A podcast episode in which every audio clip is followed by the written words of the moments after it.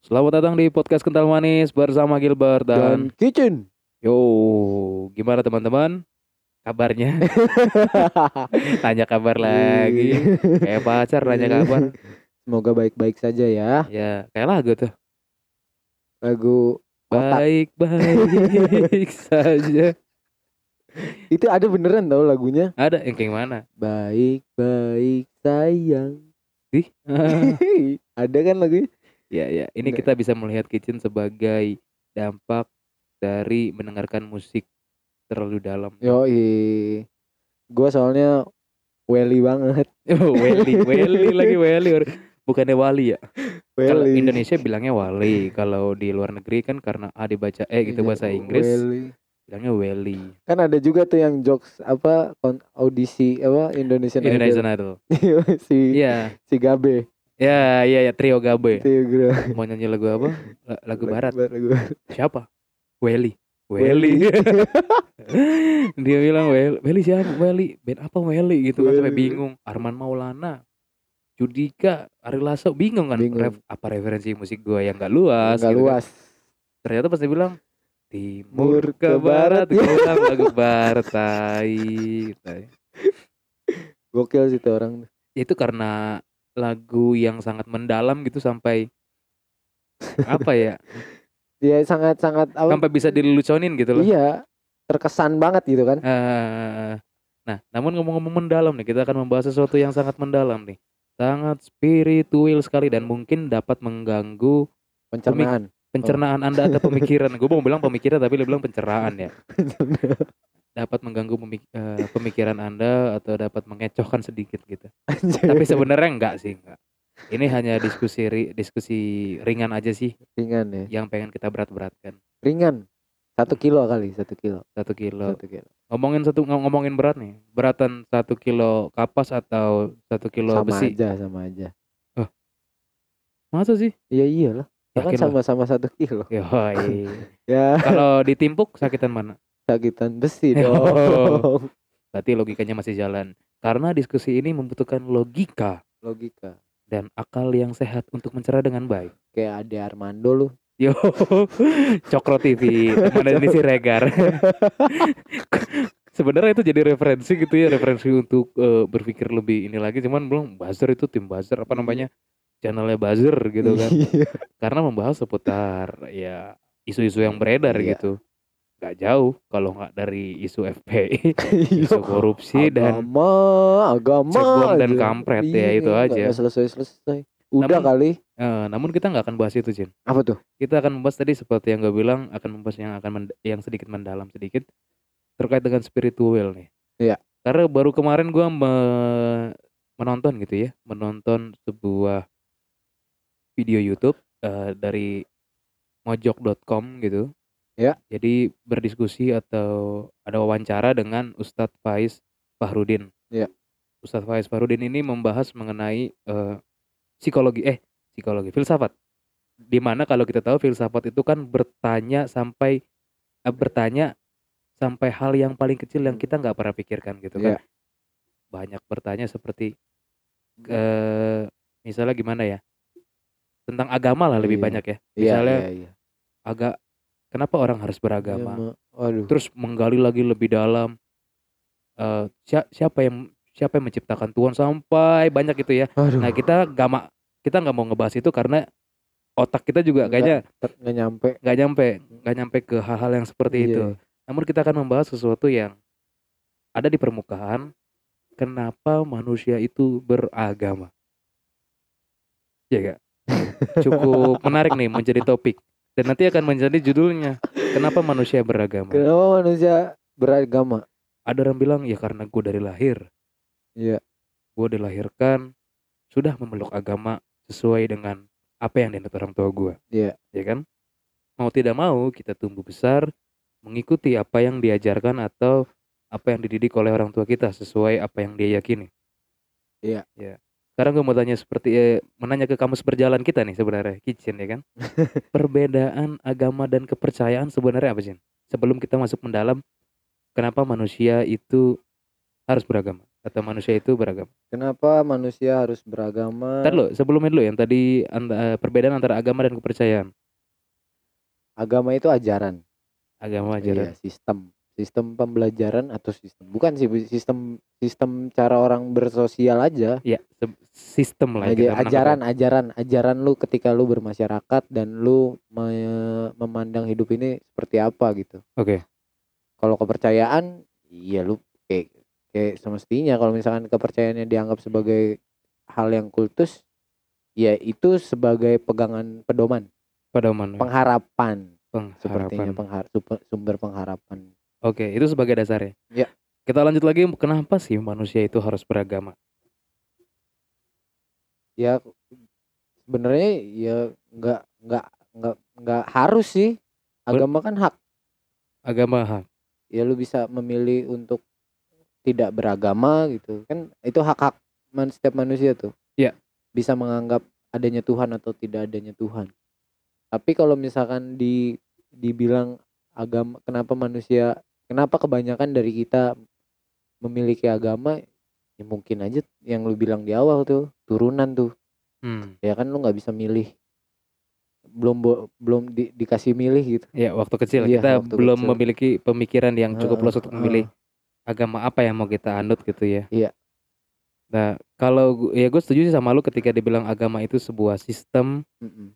eh tapi pertanyaan lebih mendalam lagi harus gak sih sebenarnya? Tadi lu bilang bebas ya, hak ya, itu hak hak ya. boleh diambil boleh enggak Boleh diambil, boleh enggak ya. Heeh. Tapi menurut lu sendiri lu menjadi memilih sebagai orang yang beragama, gue beragama gue mau bingung soalnya kalau meninggal dikuburnya gimana kalau nggak beragama hanya itu. lu mau dikubur se- dengan gaya apa Iya dengan gaya apa? Mau dipeti apa di kain atau Iya, dibakar gitu iya. ya? Hanya itu aja atau untuk Iya. mengurus administrasi ketika ingin menikah itu sangat penting tuh. Karena gue punya cerita ketika gue sebenarnya sekarang kan mau merencanakan pernikahan ya. ya selamat selamat selamat, selamat, selamat. Jadi KTP gue dengan KTP istri itu berbeda agamanya gitu, Hmm. walaupun masih satu keyakinan, Hmm. keyakinan Tuhan yang diyakini gitu Iya, ya. iya. Hanya agamanya sendiri berbeda Katolik dan Kristen. Jadi gue tuh dulu Katolik di KTP-nya. Dan ketika mengajukan mau menikah itu nggak bisa karena berbeda gitu kan. Jadi gue harus ganti KTP dulu. Padahal gue eh, belajar gitu tuh bergereja yaitu di gereja Kristen. Hanya KTP Ah. saja Katolik. Namun itu terganggu di administrasinya.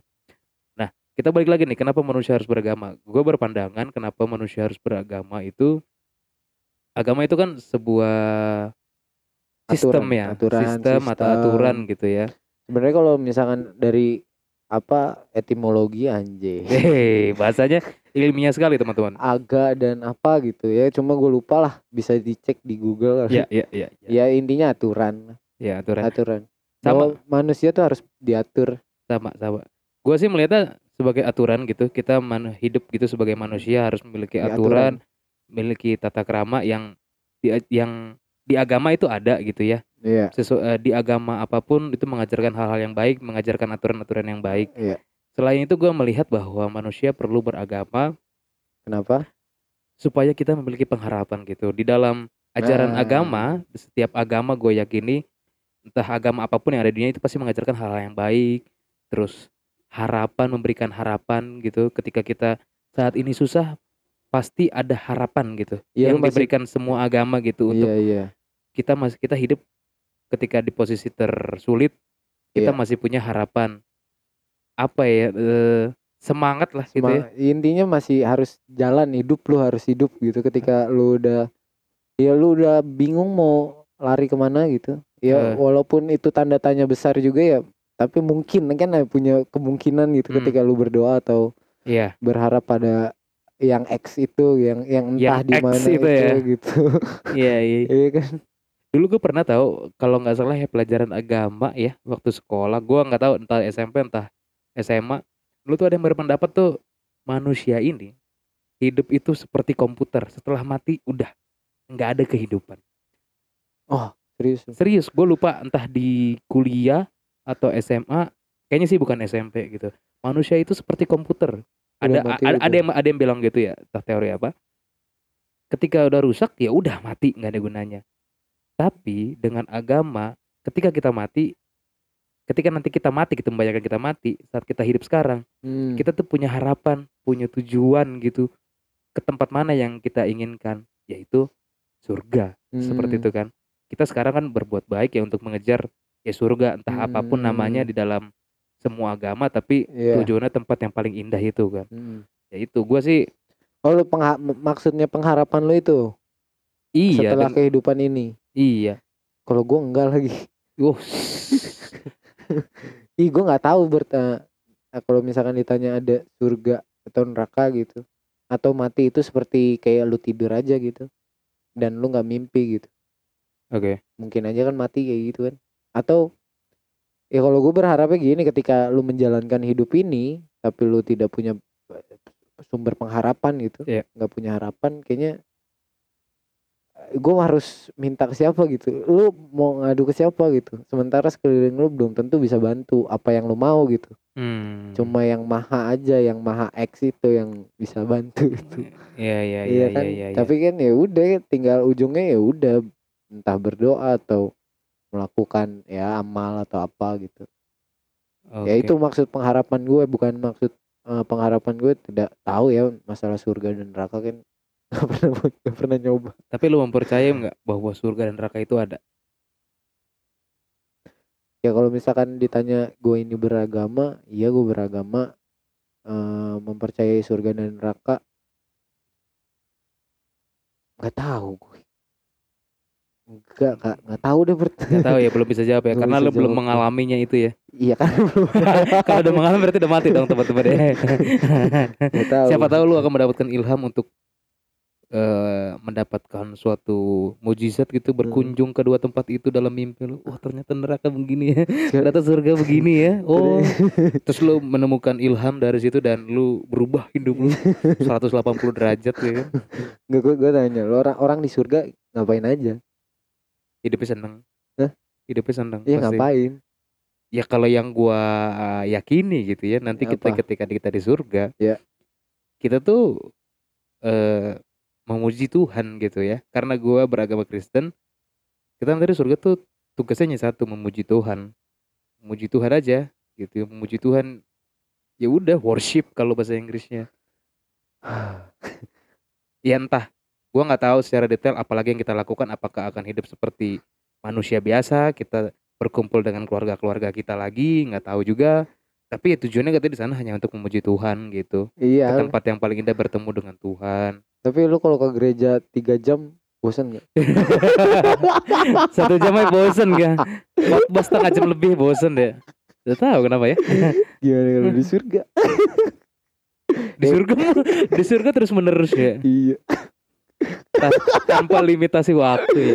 Di sini aja kita tidak dilat kita sudah mencopot tiga jam gitu udah pusing ya kita nggak melatih diri kita untuk terbiasa dengan memuji Tuhan selama iya, itu iya ya. kita jujur aja lah iya iya iya iya iya, iya, iya. mungkin kebahagiaannya tidak seperti kebahagiaan di dunia kali ber mungkin ya mungkin mungkin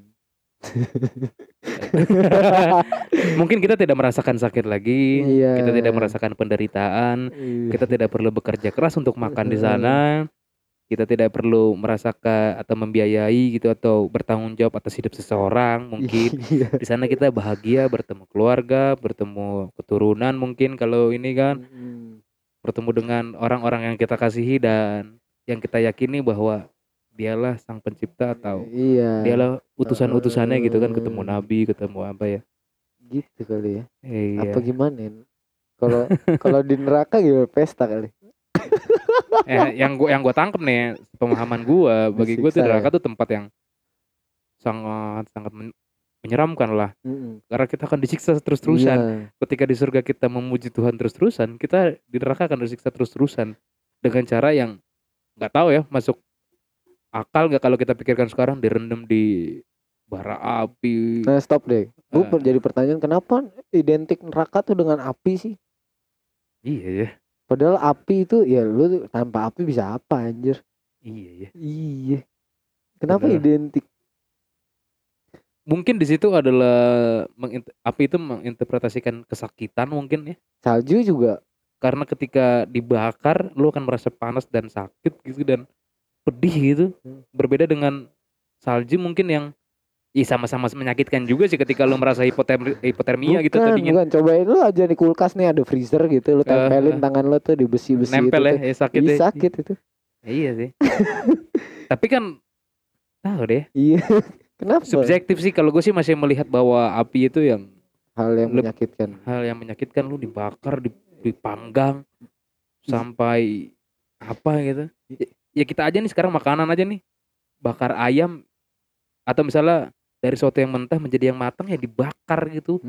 Di, di dipanggang matang, gitu ya, eh. bukan didinginkan. Dinginkan nggak jadi apa-apa gitu. Dibakar pakai proses yang panas. Eh, menurut gue itu menyakitkan gitu Iya, kalau kita membayangkan jadi ayam ya kita dibakar dipanggang digoreng nah itu kan yang terlintas di kepala kita atau yang diajarkan oleh pemuka agama bahwa kehidupan neraka seperti itu jika kamu tidak mau ke situ lakukanlah hal-hal yang atau aturan-aturan yang tercantum di kitab suci. Hmm. seperti itu. Jadi manusia punya aturan sih dari situ. Ya, jadi menurut lu perlu? Perlu apa nih? Beragama? Perlu.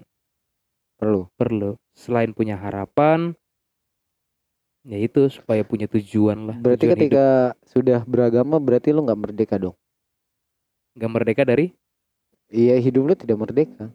Karena ada aturan-aturan yang Ya. mengukung ya. Nah iya itu dia. Ya jadi pertanyaan. Bener bener bener.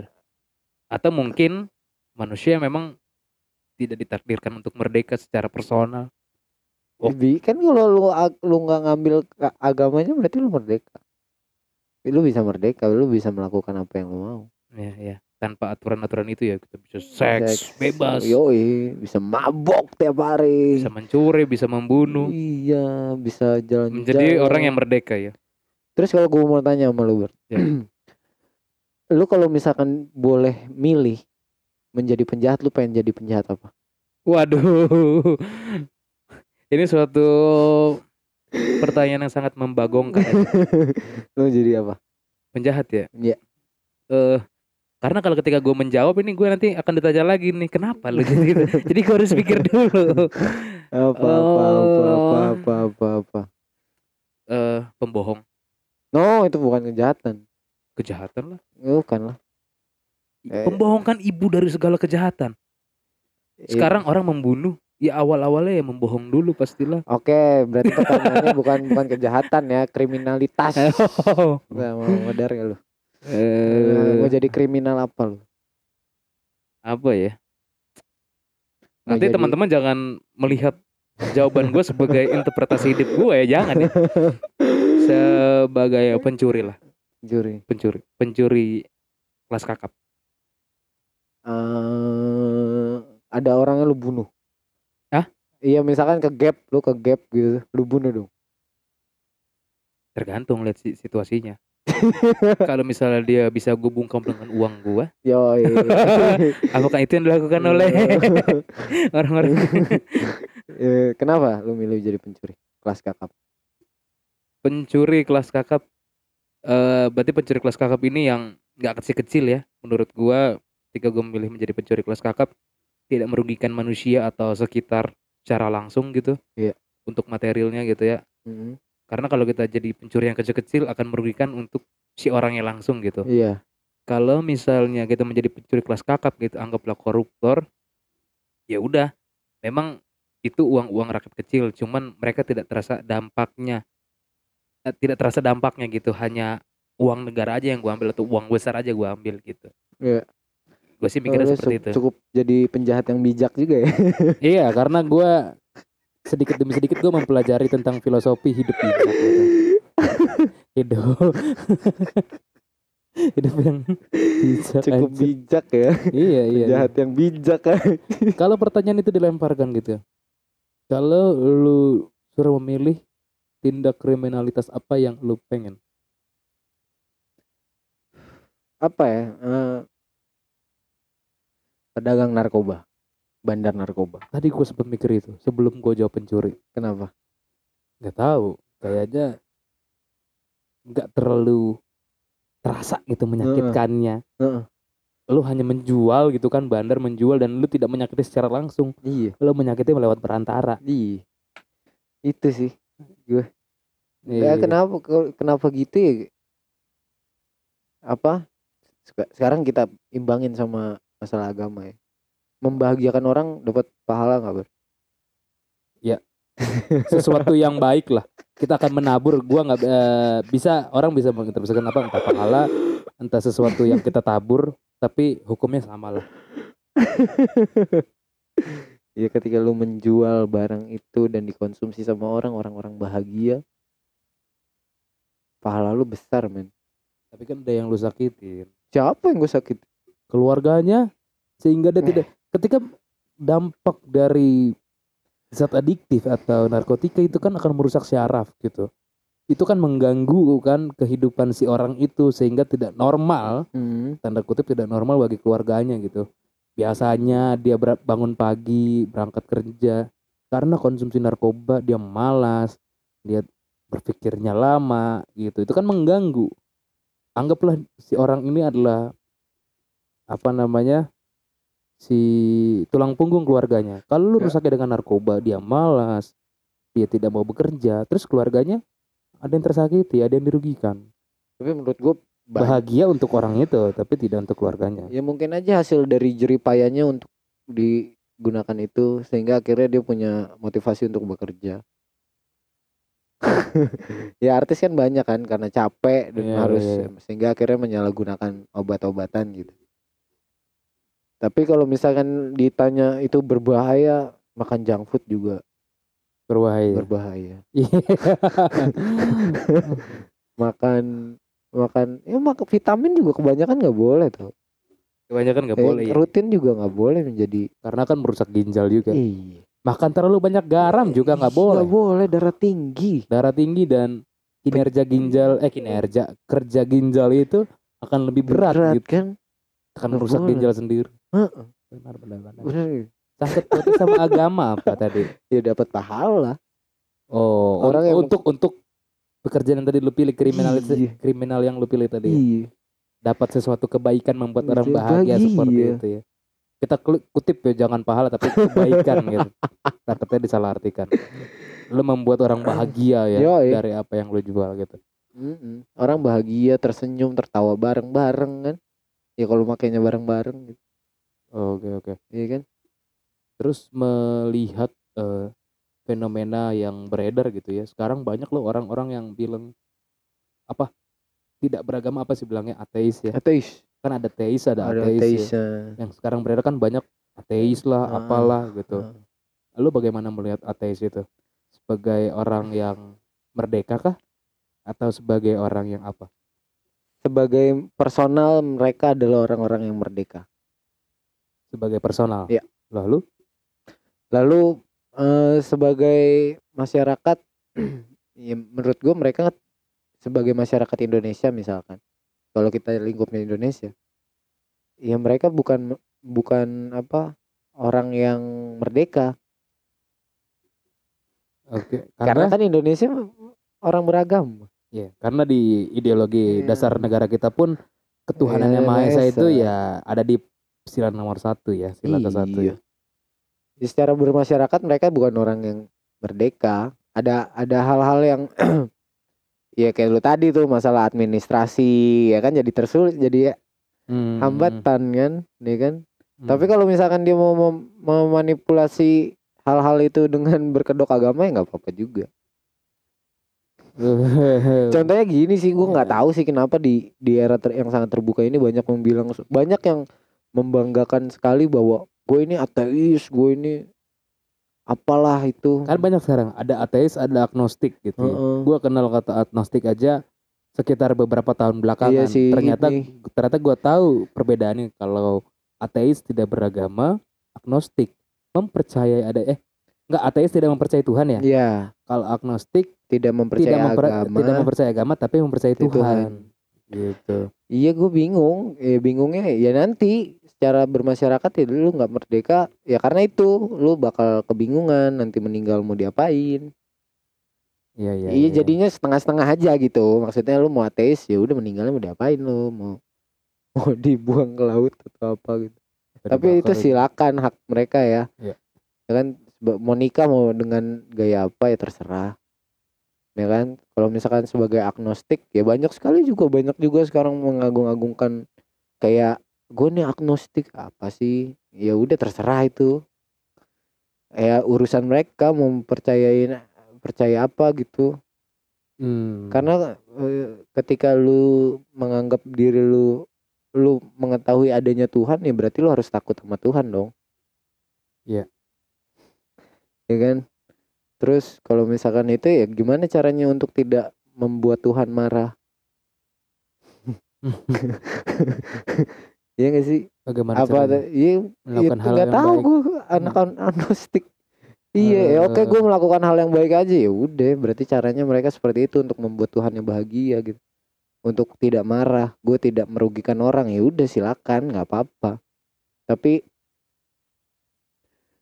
tapi ya udah itu udah aturan sistem cara berpikir lu juga nggak masalah juga nggak nggak nggak nggak yang harus tapi yang nggak yang harus membanggakan diri kayak sekarang tuh entah kenapa di era-era sekarang tuh gua ini bipolar kayaknya di, di- terkesan penyakit diumbar-umbar gitu Iya, masalah iya, iya, agama iya, gue nih iya, agnostik iya. apa sih Iya, sekarang sih? lagi trennya seperti itu. iya kenapa Mem- mengumbar dirinya secara personal ke publik gitu. Misalnya gue seorang yang bipolar, gue seorang yang eh apa namanya? Apa sih kalau misalnya orang diem di rumah aja in, I- introvert, iya kan, introvert introvert gitu. Gue ambivert. Iya. apa Kenapa sih ya? Kenapa ya? eh mungkin butuh perhatian gue agnostik. iya, gue agnostik gue ate ya udah sih kenapa emangnya ya nggak masalah juga itu udah urusan mereka tapi ya ketika diumbar dan di maksud gue udah agnostik terus di di dibanding bandingkan gitu ber, dengan Hmm, yang hmm. beragama ya jelas beda lah. Cara berpikirnya beda. Cara berpikir beda iya.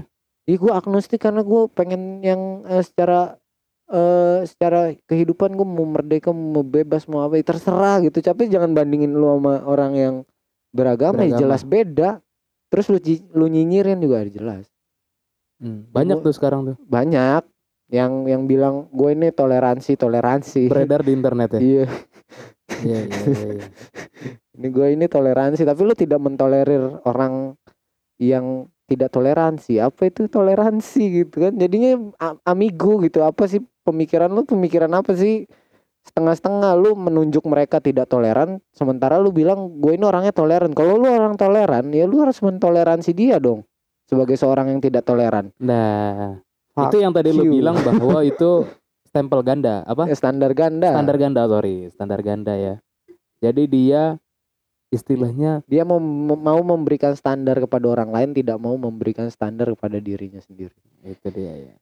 Dia bilang bahwa dia tuh orang yang toleransi, tapi ketika orang bilang bilang ada hal-hal yang ini dia bilang oh dia mah gini-gini nggak toleran lah nggak toleransi juga ya. berak bokes Balik lagi kepada tagline bokis ya. Terus bagaimana kita menyikapi orang yang seperti itu? Biarin aja.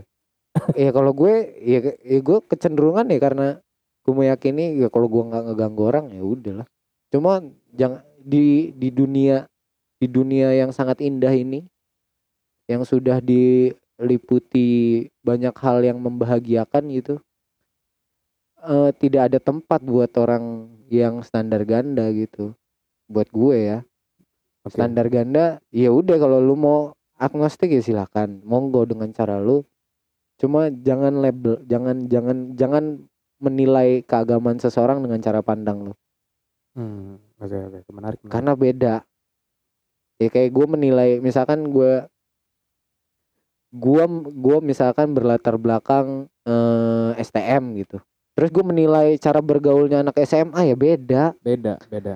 beda dong Lu bisa menilai hanya untuk yang STM juga. Iya, iya dong. Baru enak gitu, baru bijak Peer lah. peer gitu ya. iya. Kalau misalkan seberang ngecross kayaknya apa? Hmm. Iya kan nggak semua orang harus ngikutin maunya si agnostik itu kan. Hmm. Oke, kita sudah cukup lebar jauh Chen mengenai dari tadi nih kita Ya. belajar bahwa kenapa manusia beragama gitu kan, bahwa menjelaskan juga bahwa agama ini adalah sebuah sistem gitu untuk membuat hidup kita penuh tatanan, penuh aturan, punya harapan Iya. gitu, punya tujuan hidup ya, cukup panjang. Namun mungkin kita tidak akan panjangkan lagi Chin sampai ke detail-detailnya karena nanti akan menjadi hal-hal yang sensitif Iya, gitu. iya. Karena isu-isu seperti itu sangat sensitif gitu di negara kita ini gitu. Ya Apalagi- kita menyadari itulah, harus menyadari itu. Ya kalau lu nggak sadar akan hal itu ya lu akan terus ber bercuap-cuap aja gitu. Pertanyaan terakhir, menjadi kesimpulan dari podcast ini. Apa yang harus kita lakukan sebagai manusia yang beragama eh selain mengikuti aturan yang ada di agama itu ya? intinya ya intinya apa ya? Karena hidup ini hitam putih dan orang beragama tidak selalu tidak berdosa. Iya. Ya. Tidak ada yang tidak berdosa iya, manusia. ya kan makanya berarti ya orang beragama juga jangan terlalu dipandang suci, jangan juga di, dibilang apa eh apa ya eh Terlalu jahat. terlalu jahat gitu. Jadi jangan dipandang suci juga, jangan dipandang jahat, jahat jahat juga. juga. Ya kita masih sama-sama nyari lah, Iya. ya kan? Ya ya kayak gitu gitulah beragama dan tidak beragama beragama ya agama kan ya mungkin sebagai lembaga juga kan Iya, betul. Iya kan sebagai sistem ada yang menjalankan, ada yang dijalankan. Ya banyak juga yang mengendarai agama sebagai Sebagai sebagai menuju ya, menuju tangga politik, tangga politik, sebagai isu perpecahan, eh, sebagai jualan.